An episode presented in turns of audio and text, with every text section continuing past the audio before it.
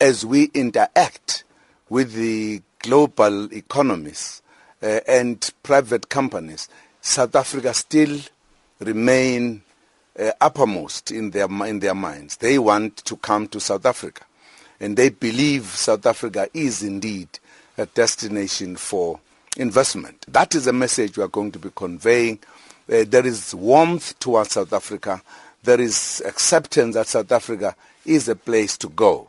And that message is going to be conveyed here very strongly that South Africa indeed is a place for everyone in the world. But not just South Africa alone, but also Africa as a continent. We have arrived. As always, South Africa is going to be felt in all sessions.